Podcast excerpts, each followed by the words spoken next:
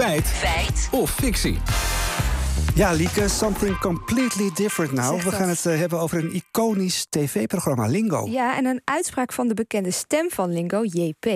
Hij pleit vandaag in het, algemeen, sorry, hij pleit vandaag in het Algemeen Dagblad voor een terugkeer van Lingo. En een van de argumenten die hij aanhaalt is dat Lingo nuttig en aangenaam is. Nou, nuttig omdat je met Lingo de Nederlandse taal kan leren, zegt hij.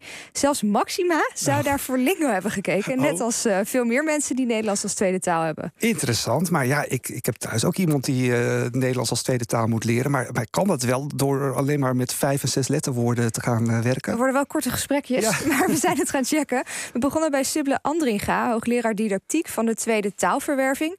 En we vroegen aan hem hoe je het beste een taal kan leren. Voor het leren van een tweede taal is het vooral belangrijk dat je in het begin zorgt voor grijpelijk taalaanbod. En taalaanbod uh, moet dus vaak enigszins versimpeld worden. En het hangt ook nog eens af van wat je precies wil leren. Als je wilt leren communiceren, dan moet je vooral uh, naar luisteren en spreken. Maar als je wilt leren lezen, dan, uh, ja, dan, dan, dan krijg je ook anders soort een taalaanbod. Dus uh, daarom is die vraag zo groot. Um, het hangt ook heel erg af van wat je wil. Oké, het hangt dus van de situatie af. Het moet simpel zijn. Kan dan een simpel tv-programma als Lingo daarbij helpen? Ja, zeker, zegt taalonderzoeker en universitair docent Marco Bril. Volgens hem kan het helpen om kennis te maken met de taal... en bijvoorbeeld helpen bij de klanktekenkoppeling. Oh ja. Ja, wat dat is, legt Bril uit. Hoe schrijf je in het Nederlands nu woorden? Hoe zien ze eruit? Uh, hoe klinken ze? Uh, echt dat, dat soort uh, basiselementen van, van taal. daar is Linko denk ik heel goed voor. Ja, alleen dat leren gaat over het algemeen wel relatief makkelijk. Oké, en, en naast het spelletje zelf, zitten er ook voordelen aan het tv-programma? Nou, het programma is simpel en overzichtelijk. En dat helpt dus voor de taalontwikkeling, zegt taaladviseur bij onze taal Rutger Kiezenbrink. Maar daarvoor hoef je nou ook weer niet per se naar Lingo te kijken dan kun je net zo goed ook naar een ander programma kijken. Uh, hè, soort dingen als uh, het Jeugdjournaal of het Klokhuis of Goede Tijden, Slechte Tijden. Het zijn allemaal programma's waarin het taalgebruik relatief eenvoudig is. Ja, daar, daar kun je wel wat van leren. Ah, Oké, in die zin is lingo dus niet uh, uniek. Nee, en het effect voor het leren van de taal is, naast de klanktekenkoppeling, ook weer niet. Ja, precies. Is ook weer niet zo groot, Lammert, legt Wander Lowy, hoogleraar toegepaste taalwetenschap aan de Rijksuniversiteit Groningen uit. Zo is het programma niet geschikt om je woordenschat uit te breiden, want daarvoor heb je twee dingen nodig. Het eerste is dat je woorden het beste leert in een context.